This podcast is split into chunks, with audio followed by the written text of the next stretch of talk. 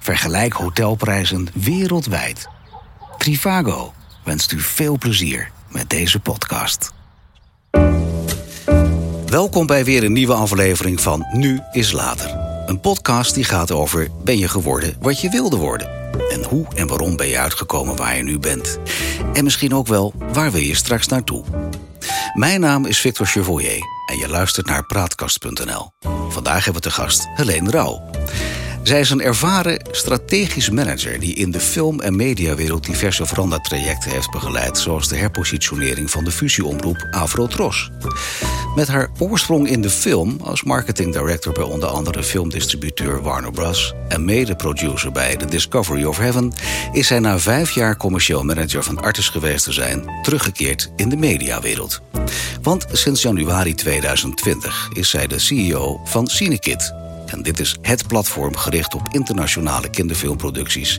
Om daarmee het aanbod en de kwaliteit van de filmproducties te vergroten en de industrie te verbinden. Ook internationaal. Hoe is ze uitgekomen waar ze nu is? Nou, we kunnen het vandaag allemaal aan haar vragen. Sterker, we kunnen vandaag alles aan haar vragen, want ze is bij ons te gast in de praatkast. Hartelijk welkom, Helene. Dankjewel. Goeiedag. Um, wat ik altijd gelijk vraag aan de, aan de start van de podcast. Um, is dit nou de baan waar je als kind van gedroomd hebt? Nee, ik droomde helemaal niet van banen toen ik kind was. Ik, uh, ik kan me totaal niet herinneren dat ik zo'n. Uh, ik wil verpleegster, brandweerman. Of, want dat zijn toch meer de banen die je als kind dan nog een beetje je kan voorstellen. Ja. Uh, wilde gaan doen. Ik wilde eigenlijk vooral avonturier worden. Avonturier? Ja. Wat moet ik me daarbij voorstellen? Ja, de wereld ontdekken. Dingen, nieuwe dingen, eh, plekken. Ik, ik vond het heerlijk om op vakantie hadden te gaan. Ik kon me niet lang genoeg en niet ver genoeg eigenlijk. Ja. Dus mijn ouders, uh, ja, wij gingen naar Frankrijk met uh, de tent of met de caravan. En uh, nou ja, dat was voor mij toen prima, weet je. Dat, niet dat ik dan dacht van ik moet nu naar Amerika, maar toen ik 18 was, was het eerste wat ik deed verhuizen vanuit Nijmegen naar Amsterdam. En in mijn studententijd alleen maar de hele wereld rond uh, gereisd. Mag ik vragen wat jouw ouders deden toen je kind was? Uh, mijn vader was uh, ja, hoofd voorlichting communicatie bij de gemeente Nijmegen. In de ja. tijd van de, alle, ja, die krakersrellen, zeg maar. De zijgelaffaire. Ja, begin jaren tachtig, denk ik zo. Ja, ja. En mijn moeder was muzieklerares op specia bij speciaal onderwijs. Maar er zit niks avontuur, avontuurlijks in, zeg maar. Nee, dat weet ik. Nee. Maar jij was een van de, van, van de kinderen die dat wel had. Had jij broers en zussen? Ik heb één zus, die is uh, anderhalf jaar ouder. Is anderhalf jaar ouder dan Die was niet zo avontuurlijk. Die is niet avontuurlijk. Nee. Het zit echt helemaal in jou. Ja. Oké, okay, dus dat zegt wat over hoe jij erin, erin staat. Um, toen je van school kwam, wat ben je gaan doen toen? Um, na de middelbare school mm -hmm. ben ik uh, naar Amsterdam gegaan. En daar ben ik uh, psychologie gaan studeren, eerst een jaar. Dat is dan... logisch als avonturier. nou ja, nou, het, het zat zo. Uh, toen ik weer ging studeren, had je nog geen uh, studie uh, communicatiewetenschappen die volledig zowel de bachelor als de masterfase had. Alleen ja. de master. Dus je moest daarvoor een andere studie gaan doen. Mm -hmm. Een sociale studie. En ik heb toen gekozen voor psychologie. Dat leek me best interessant. Ja. Want psychologie heeft ook sociale psychologie in zich. En ja, avonturier is één ding, maar ik was ook altijd heel nieuwsgierig naar mensen en dingen. En... Dus dat was wel de logica om psychologie te gaan doen. Je was nieuwsgierig naar mensen. Dat was hetgene wat jou in die tijd eigenlijk ja, dreef. Communicatiewetenschap ook wel. Nieuwsgierig naar mensen is eigenlijk ja, communicatie, zender-ontvanger. Daar ja. begon het ooit mee. Ja, dat fascineerde me wel. Ik kon, mm. Maar ik was echt, ik had geen idee. Ik ben ook echt een generalist, hè, dus ik had ook echt niet echt een duidelijk gevoel van ja, nee, daarom. Maar ik denk, oh, dat is wel interessant. Dan leer ik over sociale processen, ja. maar ook over de menselijke geest. Uh, over, nou, en echt op een wetenschappelijke manier. En ik nou, moet zeggen, na een jaar dacht ik ook van, oh, Misschien had ik dit eigenlijk wel verder willen studeren, maar nee, ik ga toch communicatie doen. Toen heb ik wel heel veel vakken erbij gedaan die ook met, met psychologie te maken hadden. Maar dan zie je eigenlijk op het, op, het, op het snijvlak van psychologie en communicatie. Dat vind jij interessante aspecten. Ja. Buiten, buiten het avonturieren om dan. Want ja, ja, ja. ja, want okay. avonturieren is er dus ook niet, niet alleen maar kijken naar je eigen omgeving, maar verder kijken. En ja globale uh, issues op dat gebied vond ik heel interessant. De varkensbaai-crisis, daar heb ik een, een, stuk over moeten schrijven in mijn oh ja. studietijd. 1963 was dat. Ja. ja. Ja. dat gaat over groepsdenken en hoe uh, soms hele cruciale beslissingen worden genomen door groepen op basis van niet echt uh, de beste feitelijke overwegingen, zal ik maar zeggen. Is dat niet ontzettend actueel eigenlijk? Ja, heel erg. Heel erg actueel. Ja, we hebben het natuurlijk net over uh, de, de podcast met Charles Groenhuizen, die we hier ook draaien. Mm -hmm. uh, en dat is eentje die gaat over Amerika. Nou, als je het hebt over, over fake news, want daar heb je het eigenlijk over. Dat was dus eigenlijk in die tijd ook al dan. Ja, daar ging het niet per se in dat geval over fake news, maar het ging over hoe is de beslissing toen genomen door uh, het kabinet, het Amerikaanse kabinet, ja. om die invasie uh, te doen. Dus dat, het ging over het proces van, die, van de machtshebbers. Okay. Dus hoe gaan mensen met macht om? Um, ga je dan nog wel in een uh, weloverwogen groepsproces goed naar elkaar luisteren en geef je iedereen de ruimte? Of spelen er hele andere belangen mee? Nou, dat is natuurlijk politiek. Ja, dat is een andere, andere invalshoek, zeg maar. Ja, ja, maar, dat, ja, maar dat vond jij interessant. En, en toen ben je, heb je die studie afgemaakt in die periode? Ja, ja. En, dat, en toen was je op de arbeidsmarkt? Ja, en dat was uh, niet de beste tijd. Nee. Um, volgens mij, ja, dat was begin 1994. Ja. Nou, ik heb een hele ordner, had je toen nog print die alles uit, had je wel ja. maar met uh, sollicitatiebrieven. Ik, ja, ik kwam uit Nijmegen, ik woonde in Amsterdam. Ik had uh, nul netwerk in media of waar dan ook. En daar had ik natuurlijk wel, daar wilde je wel gaan werken. Maar, maar ja, ik, uh, ik kwam nergens binnen. Nee. En uh, uiteindelijk. Maar, maar toen wist je wel wat je eigenlijk wilde? Want nou, je hebt natuurlijk een hele brede keuze in. Ja, iets met communicatie en iets in de media, maar misschien ook wel in de entertainment. Dat leek me allemaal wel leuk. Dat leek je interessant in die leek tijd. me interessant, maar wat okay. dat dan precies was, dat wist ik nog niet zo goed. Nee. Um, dat waren allemaal hele vrij praktische banen. Ook communicatiemedewerker bij een platenmaatschappij of zo. Ik noem maar even wat. Dat waren dingen waar je dan op solliciteerde. Um, op een gegeven moment, en het lukte echt niet om een baan te vinden. Toen ben ik secretaresse bij het AIDS-fonds geweest, ook nog een tijdje. Mm -hmm. ik vond het wel goed om dan in ieder geval ergens te werken waar het, waar, waar het nut had. Maar ik werd helemaal gek van het ja, je archiveren. Je moet echt dingen. Ja, dat was, daar kreeg ik zo geen energie van. Uh, toen ben ik toch even terug de horeca ingegaan. En uiteindelijk via een vriendin uh, bij uh, Polygram Filmed Entertainment terechtgekomen. Zij ging op zwangerschapsverlof. Ja. Dat, ik had met haar gestudeerd en uh, dat was voor mij echt...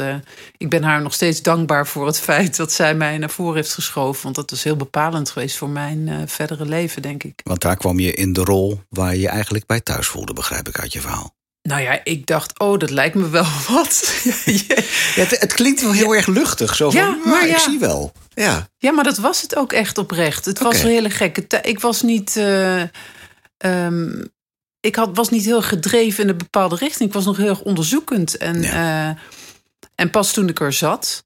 En ik snapte wat je dan deed. Want ik had, was wetenschappelijk opgeleid. Ik had in een café gewerkt tijdens mijn opleiding. Ik had wel allerlei. Uh, maar echt weten wat het is om te werken Mhm. in een bedrijf, dat kende ik natuurlijk niet echt Nee. nog. Dus dat was na, nou ja, na drie weken, snap je het en vind je het geweldig. Ik vond het geweldig. Toen ik daar terecht kwam, was echt een schot in de roos. Ik, Maar vertel eh, eens in een paar zinnen wat je daar moest doen dan. Nou, ik was verantwoordelijk voor alle marketing, uh, voor marketingcampagnes rondom de nieuwe films die uitkwamen in de bioscoop uh, vanuit mm -hmm. die uh, distributeur.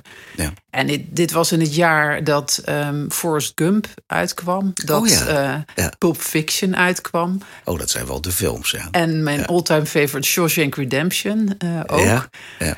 En um, Shawshank Redemption hebben wij zelf toen ook uitgebracht. En ik, ik had echt van deze fantastische films... die mag ik, uh, mag ik over nadenken... bij wie, welke mensen deze film moeten gaan zien... en zorgen dat ze die gaan zien. En uh, daar campagnes omheen uh, bedenken. En Mhm. mm -hmm.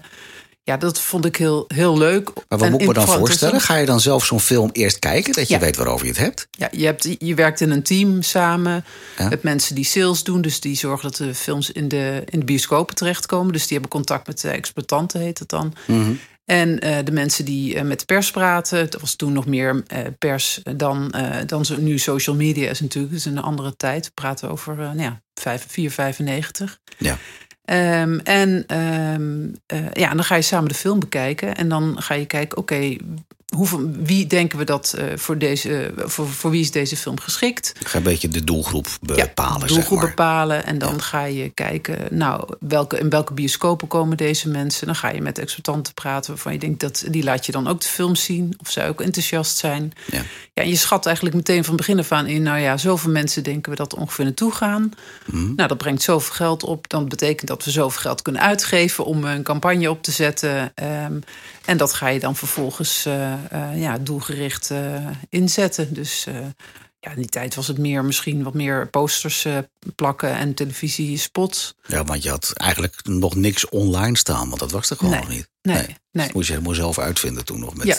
posters uh, Massa- in de. Ja, de ja. massacommunicatie. Ja. Maar dat vond jij dus leuk. Dat was echt iets waar jij voor warm liep. Waar je zegt, dat vond ik echt gaaf om te doen. Ja, omdat je, je probeert eh, zo'n film te vertalen naar een beeld Mhm. wat aanspreekt ehm, en naar een verhaal wat aansluit. Eh, soms eh, sloot het bijvoorbeeld heel goed aan bij actualiteit, dat je daardoor heel erg in, op plekken kwam in de media die niet vanzelfsprekend waren voor filmcampagnes. Dus ik neigde ook wel heel erg naar die communicatiekant, hoor, moet ik zeggen. Ik vond die inkoop van ja, eh, advertenties en zo, dat, ja, dat oké, vond ik ook prima. Maar mijn, mijn passie lag meer aan de kant van, eh, van de PR, van de communicatie. Ja. Wat vind je daar dan zo specifiek leuk aan? Wat, wat zegt dat over Helene Rauw? Omdat ik ehm, het heel. het heel nou ja, het doet mij. Het geeft me heel veel energie als mensen ehm, in aanraking komen met een verhaal. Of het een film is of een andere ervaring die ze misschien anders niet hadden ontdekt. Mhm. als dat je ze erop hebt gewezen. Ehm, ja, ik zit even te denken naar een voorbeeld. Ehm, dat we hadden bijvoorbeeld een film over. God, ja, dan weet ik even de naam natuurlijk niet meer. We hadden een film. We hadden een film. Er was Ja. een film die ging over politieke situatie. En ik was in contact gekomen met de organisatie Cool Politics. Ja. Dat was in de tijd een beweging waar, eh, die heel bewust met jonge mensen waren bezig met eh, politiek eh, meer toegankelijk maken. Ja. En die film sloot heel erg aan bij hun interessegebieden. Terwijl zij nooit naar de, naar de bioscoop zouden gaan naar een, nou ja, een beetje een mainstream film. En Mhm. Doordat ik ehm, de, nou, de acteur van die film, die kwam toen over naar Nederland eh, bij een debat van die organisatie heb gezet. Dus ik ging Ja. eigenlijk verbinden. hè. Ja. Ehm, gingen er veel meer mensen vanuit hun achterban naar die film toe dan normaal zouden zijn gegaan. Plus dat je ook nog een keer het, die Amerikaanse politiek verbond met de Nederlandse politiek. Dus ik vond het ook nog wel een. eh, een die, het had voor mij nog ook een dieper verhaal wat mij voldoening gaf. Dus dat vond ik heel erg. eh, ehm, ja, dat, dat, dat vond ik heel erg leuk. En eh, Maar wa- wat je, wat je dan eigenlijk doet, is dat je dus eh, de doelgroep bepaalt, maar je gaat er net een beetje naast zitten bijna om een, om een andere doelgroep toch naar binnen te krijgen. Ja. En dat klinkt bijna alsof daar ook voor jou een wat diepere waarde achter zit. Alsof het jou ook gaat om, eh, even zwaar aangezet, de mensheid te verbeteren. Dat je mensen inzichten wil geven die ze nog niet hadden. Ja, Klopt nu, dat? nu zou ik dat kunnen. Nu kan ik dat zeggen dat dat zo is. Maar toen niet. zat ik er nog erg mee te oefenen, zal ik maar zeggen. Ja. Ehm, want een ander voorbeeld is de film ehm, eh, Dr. Bean van eh Ron Atkinson. Dat was de Ja. eerste bioscoopfilm van hem. Die hadden, brachten wij ook uit. En Er zit daar. niet zoveel dat- verheffens aan, lijkt mij. Nee, eh, maar het is wel een ontzettend goede com eh, comedian. En hij maakt echt fantastisch. Het, het, het is echt, eh, ja, ik vind, ik vind het wel kwaliteit trouwens. Ja. Ik, ik vind, en hij was bekend van zijn series, zijn tv-series, die ook op video te verkrijgen waren in die tijd. Ja. Maar dit was de eerste bioscoopfilm. Dus ik had de uitdaging. Die ehm, mensen die thuis heel graag naar die korte series keken, die niet echt naar de bioscoop gingen, krijg ik ze naar de bioscoop toe. En krijg ik dat bioscooppubliek, wat niet per se Rowan Atkinson fan is, naar eh, die film. Dus die twee kanten op. Eh, toen ben ik met. ehm, eh, met M&M's, eh, mag ja, nou goed, eh, een, eh, dat, eh, eh, dat mag hier, dat mag hier. en, eh, en de auto Mini, want daar reed hij ook wel eh, in. En, heb ja. ik een, eh, een campagne, of heb ik eh, een event opgezet samen met. eh, in Utrecht was toen nog de megafestatie. Dat was een hele grote beurs voor jongeren, eh, waar van alles eh, te doen was op het Ja. gebied van wat jongeren interessant vonden. Toen heb ik een mini-file georganiseerd naar de megafestatie toe. waar dan vervolgens de première van die film was. Nou, dat was een. En dat eh, mocht. Daar heb je ook toestemming voor gekregen. toen. ja, ik heb toen inderdaad vanaf eh, ergens bij de RAI eh, de A2 afgereden met al die auto's. Die mensen hebben allemaal dus ge- heb ik allemaal gelokaliseerd en nou ja, voor elkaar gekregen dat ze er allemaal netjes op een uh, parkeerterrein en dan achter elkaar doorrijden. Nou ja, natuurlijk Oh, niet de boel blokkeren, maar hartstikke leuk. Ja. Ja. dat kon toen mak- wat makkelijker. Maar dat gaf enorme PR natuurlijk, want er werd Ja. over geschreven. Plus dat. Ja, het ook, eh, de, we hebben daar echt wel door gemerkt. We hebben daarna ook onderzoek naar gedaan. Dit was een van de onderdelen, waardoor eh, er veel meer mensen eh, vanuit die videoachterban naar die bioscoop. De, de enorm succes geworden, die film. Leuk. Ja, dus ik weet, je weet nooit of het zonder wat je doet ook zoveel publiek had getrokken. Want je durft nooit een nulmeting te doen eigenlijk. Nee, nee. Maar ik ben er wel van overtuigd dat er wel. ja, Dat opzoeken naar die. helpt. Dat Ja. absoluut helpt. Ja. En buiten de paden die je normaal bewandelt. Dat vond ik eh, zelf interessant. En daardoor steeds meer, vond steeds meer van belang om dat te doen voor eh, projecten waar ik echt van dacht: van ja, dit is belangrijk dat dit eh, door mensen wordt gezien hoor. Maar ik heb het ook gedaan voor hele commerciële, platte projecten. Ja. Ja. Het, het, het, het klinkt alsof je eigenlijk uitstekend op jouw plek zat daar. Ja, maar je moet je bedenken dat je iedere keer die film opnieuw datzelfde kunstje. Hetzelfde feest gaat weer draaien. Ja, Ja, nou, en dat is een ander eh, aspect van mijn persoonlijkheid. ja daar komt hij. ik ben wat ongeduldig. Ja. En ik, ben, eh, ik wil graag nieuwe dingen doen. Oké. Ja, dus op een gegeven moment was het nieuwe ding doen was voor mij erg dat joint promotie verhaal. Dat was eigenlijk toen nog niet. En dat heb ik best wel ver opgezet. Ja. Toen met mijn ding een beetje ook meer eh, filmproducenten helpen om uh, Nederlands filmproducenten helpen om hun films eh, beter bij hun publiek te krijgen. Ja. Was toen nog helemaal niet zo heel erg een markt waarbij je een goede trailer maakte en een goede poster en als basis alleen al en eh, daarom verder. eh, Dat was er in die tijd nog niet. Nee, dat was nog niet zo geprofessionaliseerd zoals het nu is. Dus dat vond ik ook heel leuk ehm, en interessant. En ik vond ontzettend. Ja, het, werkte ook echt. En, ehm, en dat eh, gaf me heel veel voldoening. Maar als je dat een paar keer hebt gedaan voor een film, dan is het op een gegeven moment. Wil je, wil je, ja, iets, wil ik, wil je verder? Tenminste, dat, dat gevoel kreeg ik een beetje. eh, maar nog niet heel erg bewust hoor. Ehm, Ik ik heb kwam er iets op jouw pad of ben je echt eh, bewust op zoek gegaan naar iets anders? Nou, nee, mijn, er veranderde in mijn privéleven eh, het een en het ander. eh, Mhm. toen ik, en ik was pas eind twintig en ik was, nou ja, van Polygram naar Warner Bros. gegaan. Ik zat ja, op een positie waarbij de volgende stap was om eh, ja, managing director van een distributeur te worden. eh, Maar dat zag je niet zitten dan blijkbaar. Nee, niet bij. eh, kijk, bij een, een, zo'n major noem je dat, hè, zo'n Amerikaanse studio. Ja. eh, ben je vooral bezig met implementeren. En ik werd steeds. eh, ik voelde me steeds beperkter in, ehm, in het eh, Je verzinnen van. vrijheid Ja. om dingen te onderwerpen of te ontwerpen en te mogen doen. Ja, al was het met, eh, met een hamburgerketen eh, een activiteit doen. En dat Will Smith in een film zat. En dan moest hij goedkeuring geven. En niks wat je lokaal bedacht was goed genoeg of kon überhaupt. En er zaten Nee. hele nou ja, advocaten achter. Het was gewoon. Mijn creativiteit die kon ik niet meer zo goed kwijt. En, eh, en door Maar dat niet privéomstandigheden. in jouw keuze dat je naar Warner Brothers ging dan? Of heeft dat Nee, niet zoveel mee te maken? Nou, ehm, ik had heel lang bij een Europese filmstudio gezeten. En eh, nou, heel lang, oké, bijna vijf jaar. Dat is Ja. voor mij eh, heel lang. Oké. En eh, toen dacht ik, nou, nu wil ik wel eens zo'n studio meemaken. Hoe het daar Ja. dan gaat. Dat is net anders. En vandaar dat die stap naar Warner Brothers kwam. Ja, Oké. ja. Maar, maar je begon te vertellen over iets persoonlijks. Waar, wat, wat, wat, wat gebeurde er toen? nou, in mijn privéleven heb ik een heel een dierbare verloren. En dat was ook in de tijd dat ik ehm, dat in die werkomgeving eh, ook degene die mij daar eh, naartoe had eh, gehaald. eh, zelf ook nog wegging. En er veranderde daar heel veel. En er veranderde bij mij heel veel. En toen dacht ik opeens, Hmm. ik ben nu bijna 30. Ja. ga ik nu.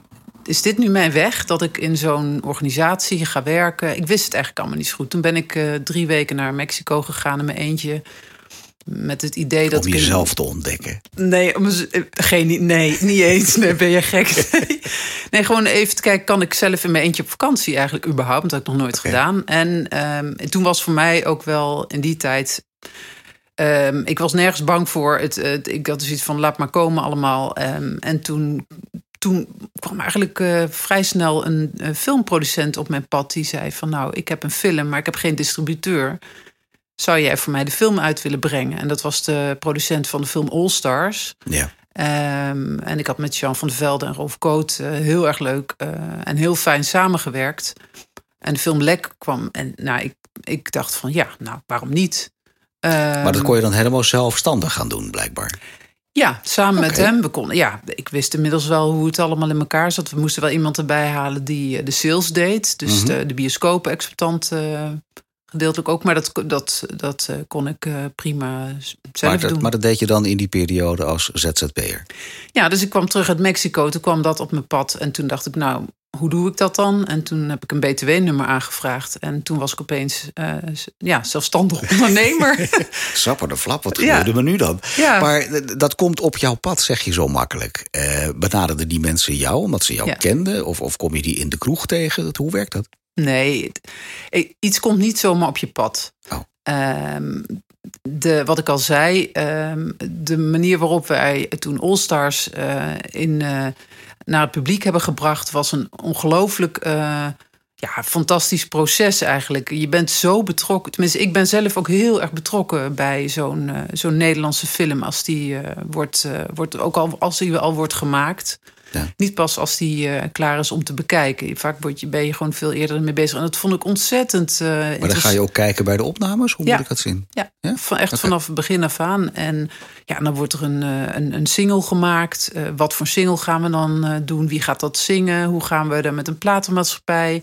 Daar ben je eigenlijk bij al die trajecten ben je bij eigenlijk bij de betrokken. hele productie ben je al bezig dan. Ja, dan ben je eigenlijk ook op marketinggebied eh, de producent al aan het adviseren. Dus zo was dat gegaan. Dat kwam ook door eh, de toen, toenmalige eh, directeur van die distributeur waar ik eh, mee werkte, die me dat ook heel erg heeft eh, eh, geleerd. En, Mhm. eh, ja, en ik, ik pakte dat gewoon wel goed op. En ik kreeg daardoor een, eh, een hele goede relatie met die producent en die regisseur. En die dachten toen aan mij toen zij. eh, ehm, dacht van ja, wie kan dat dan doen? Omdat we gewoon een, een succesvolle eh, ervaring samen hadden gehad. Ja.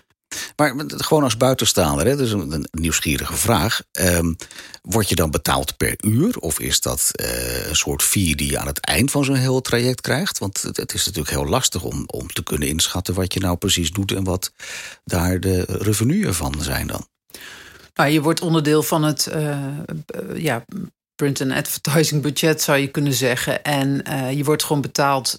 Ja, ligt, ligt eraan. Soms deed ik het, eh, als het een project was waarbij je wist, nou, dit duurt drie maanden, dan kun je soms gewoon een. eh, een, een vast bedrag, gewoon één bedrag afspreken. Waarvan Ja. je denkt, nou, dit is ongeveer. ehm, ik denk dat ik er twee dagen in de week mee bezig ben. Eh, de eerste maand, tweede maand misschien iets meer. Op de laatste zit ik wel meer. Ja, je gaat, maakt gewoon een schatting van je uren, inderdaad. Precies, Nou, dan je maak je een ruwe uurprijs. Ja. en die, die, die verdeel je over die drie Ja. maanden. En dat is dan de eindprijs wat het wordt. Ja. En dat is je uurprijs en dat is het dan. Ja, Oké.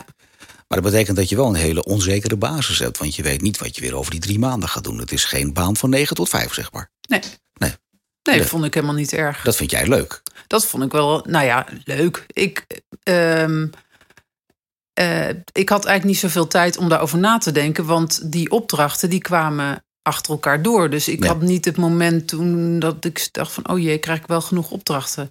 Want vrij snel daarna kwam een hele lange en intensieve opdracht... voor eh, ehm, Edwin de, de Vries, eh Aten de Jonge en Jeroen Krabbe... eh, de ontdekking van de hemel die zij wilden Ja. gaan verfilmen. Ja. Ja, en dat was, dat was wel. Het, ehm, ja, de- daarvoor kreeg ik genoeg eh, honorarium, zeg maar, per maand voor zo'n productieperiode. Voor, Mhm. wat was het, bijna een jaar. Ja. Dat je dan daar ook heel intensief mee bezig bent. Misschien doe je daarnaast een paar adviesklusjes, maar Dan ja, ben je gewoon in de hoofdmoot er wel mee bezig. ja, dat, is, dat zijn echt eh, langere trajecten. En, en de Discovery of Heaven, wat, wat heb je daar precies aan bijgedragen in die periode? Nou, vanaf, eh, vanaf de pre-productiefase eh, was ik eigenlijk de rechterhand van, eh, van de Ate de Jong, van de producent. Ja. Ehm, en dan niet zozeer als assistent producer, maar ik, ik pakte een aantal dingen zelfstandig op. Ook op contracten, op ja, eigenlijk alles wat niet echt met de setactiviteiten te maken hadden, maar alles wat er omheen gebeurde aan zakelijke dingen. Dus ook de verzekeringen, de casting, de, eh, maar ook de PR, het contact met de distributeur. ehm, ehm, eh, maar ook zorgen dat alle ehm, de crew werd aangenomen. Dus bijna HR, zeg maar. Ja. Zou je ook nog kunnen zeggen. Ja, Ik er was eigenlijk een soort van HR-manager. Ja. Ehm, ja, dus, dus dat eh, voordat de film begon en tijdens de opnames, eh, ja, gewoon ja, het soort van uh, ja, vertrouwenspersoon aan de ene kant van de, van de crew en aan de andere kant van de producent en regisseur. Uh, en ondertussen de financiers uh, tevreden houden en aangelijnd houden. Klinkt wel zo breed, hè? Super Heel breed. Super breed. Ja. Als, als je naar je studietijd even een klein linkje terugmaakt, heb je er wat aan gehad? Of is dat eigenlijk meer autodidactisch aan de gang gaan? Nou, wat je. Ik denk aan de wetenschappelijke studie die ik gevolgd heb. Um, op communicatiegebied kan ik zeggen dat ik daar het meer. Dus het, het kunnen analyseren, het kunnen um, bekijken van processen op een wetenschappelijke manier. Mm -hmm. um, het, uh, het niet te, te ad hoc, echt gewoon wat meer fundamenteel proberen dingen te onderbouwen, te onderleggen. Dat heb ik daarvan geleerd. Ja. Dus niet dat, dat, ja, kijk, communicatiewereld verandert continu. Dus mm. het is ook niet dat je, dat je daar wat geleerd hebt, dat je altijd weer gaat toepassen. Nee, het ontwikkelt nee. zich. Dus ja. Uh, ja, ik heb er heel veel van geleerd in de ontwikkeling van mezelf. Uh, en het leren formuleren van, uh, nou ja, uh, onderzoeksvragen. Nou ja, dat doe je ook op een andere soort manier ja. in dit soort werk. Dus, ja. ja. En, nou, toen, toen kwamen we op een gegeven moment een stuk verder in jouw carrière. En, en dan op een gegeven moment, heel logisch, word je directeur van, van Artis. Hoe gaat nou, dat dan? Nou, geen directeur van Artis. Nou ja, dat, dat, dat, je deed daar alle, alle, alle marketingaspecten voor Artis. Dat, je bent niet de echte dierentuindirecteur, dat ook weer niet. Nee. Maar het scheelde weinig. Vind ik toch wel spannend dat je dan zo'n stap maakt. Ja, ik was heel lang uh, zelfstandig. Ja. En uh, mijn laatste opdracht was um, de, zeg maar de communicatiekant van de transitie van Afro en Tros naar Afro-Tros te brengen. Eerst vanuit ja. de Tros, daarna vanuit die organisatie. Oh, dus die, die stap zat er nog tussen. Die was Ja. ik al bijna kwijt. Oh, Nee, niet onbelangrijk. Hoe kom je daar dan weer uit? Phew, ja, ik had heel veel. Uh, ja, ik bedoel, la- laat ik daar kort over blijven. Ik heb heel veel verschillende opdrachten gedaan, maar het waren altijd wat langer durende projecten. En ze hadden altijd te maken met meestal veranderprocessen, um, gelieerd, uh, soms ook adviserend of vervangend in organisaties van werk wat ik al eerder had gedaan. Dus een marketingmanager werd zwanger, dan deed ik dat. Dat was een begin van mijn carrière, eh, wat er gebeurde dan Ja. naast die filmproductie. Maar op een gegeven moment ging ik ook, kwam ik ook via iemand die ik dan kende uit de distributiewereld, die dan ergens anders was gaan werken. Bij IDTV was dat. Ja. Uh, ben ik voor de, um, voor de ABN AMRO, die hadden, deden mee in de Volvo Ocean Race. Mhm. En die zochten iemand die um, het uh, verhaal van die zeilrace naar een breder publiek kon brengen. Ja. En toen dacht zij, zei ze van, hé, hey, moet jij dat niet doen? En toen ben ik gaan praten en toen ben ik dat gaan doen. en dat was... Uh, dat vond ik heel erg leuk, omdat je een jaar lang dan eigenlijk hetzelfde weer doet, vertaalt het verhaal naar een bredere groep. En je raakt echt in een, ja, in een proces. Het is echt een project. Hè. Het, gaat, het heeft een begin en een eind. Je begint ja. in Amsterdam, je eindigt in Rotterdam. Of nee, niet, sorry, je begint in Lissabon, eindigt in Rotterdam. Het is een tijdje geleden. Um, maar dat vond ik heel erg leuk. Ja, en dat soort projecten volgden elkaar wel op, waardoor ik wat verder buiten die filmwereld ook uh, raakte. Maar dat zegt ook wat over jou, toch? Want het, je zegt het een beetje alsof al die contacten maar uit je mouw geschud worden. Want ik zie dan voor me dat je bij een of andere cocktailparty staat en dan loop je iemand tegen het lijf en die gaat tegen jou zeggen: Nou, Helene, dat is wat voor jou, man. Dan denk van: Oké, okay, werkt dat zo? Nee, het zijn echt mensen die iets dichter bij je staan, wel over het algemeen. Maar dan zeg jij dat je in een heel select clubje zit, waarin dat soort opdrachten elkaar makkelijk uitwisselen, zeg maar.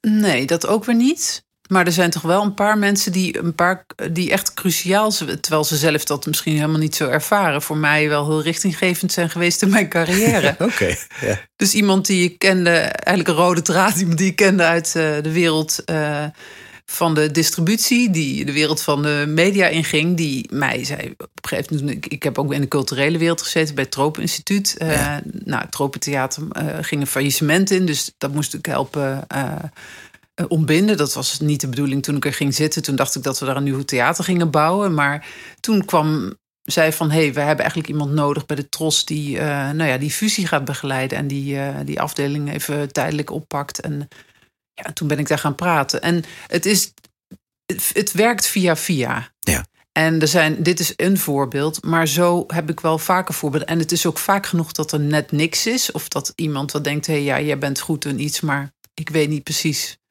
waar ik jou zie. Want dat heb ik ook heel veel gehad. Ik ben een generalist, dat zei ik net al. Dus het voor mensen heel moeilijk om mij te plaatsen. Als je naar mijn cv kijkt, dan denk je... nou, als die gaat solliciteren op een baan... dat moet je sowieso maar niet doen, want dan, wordt niet... neemt niemand je serieus. Nee.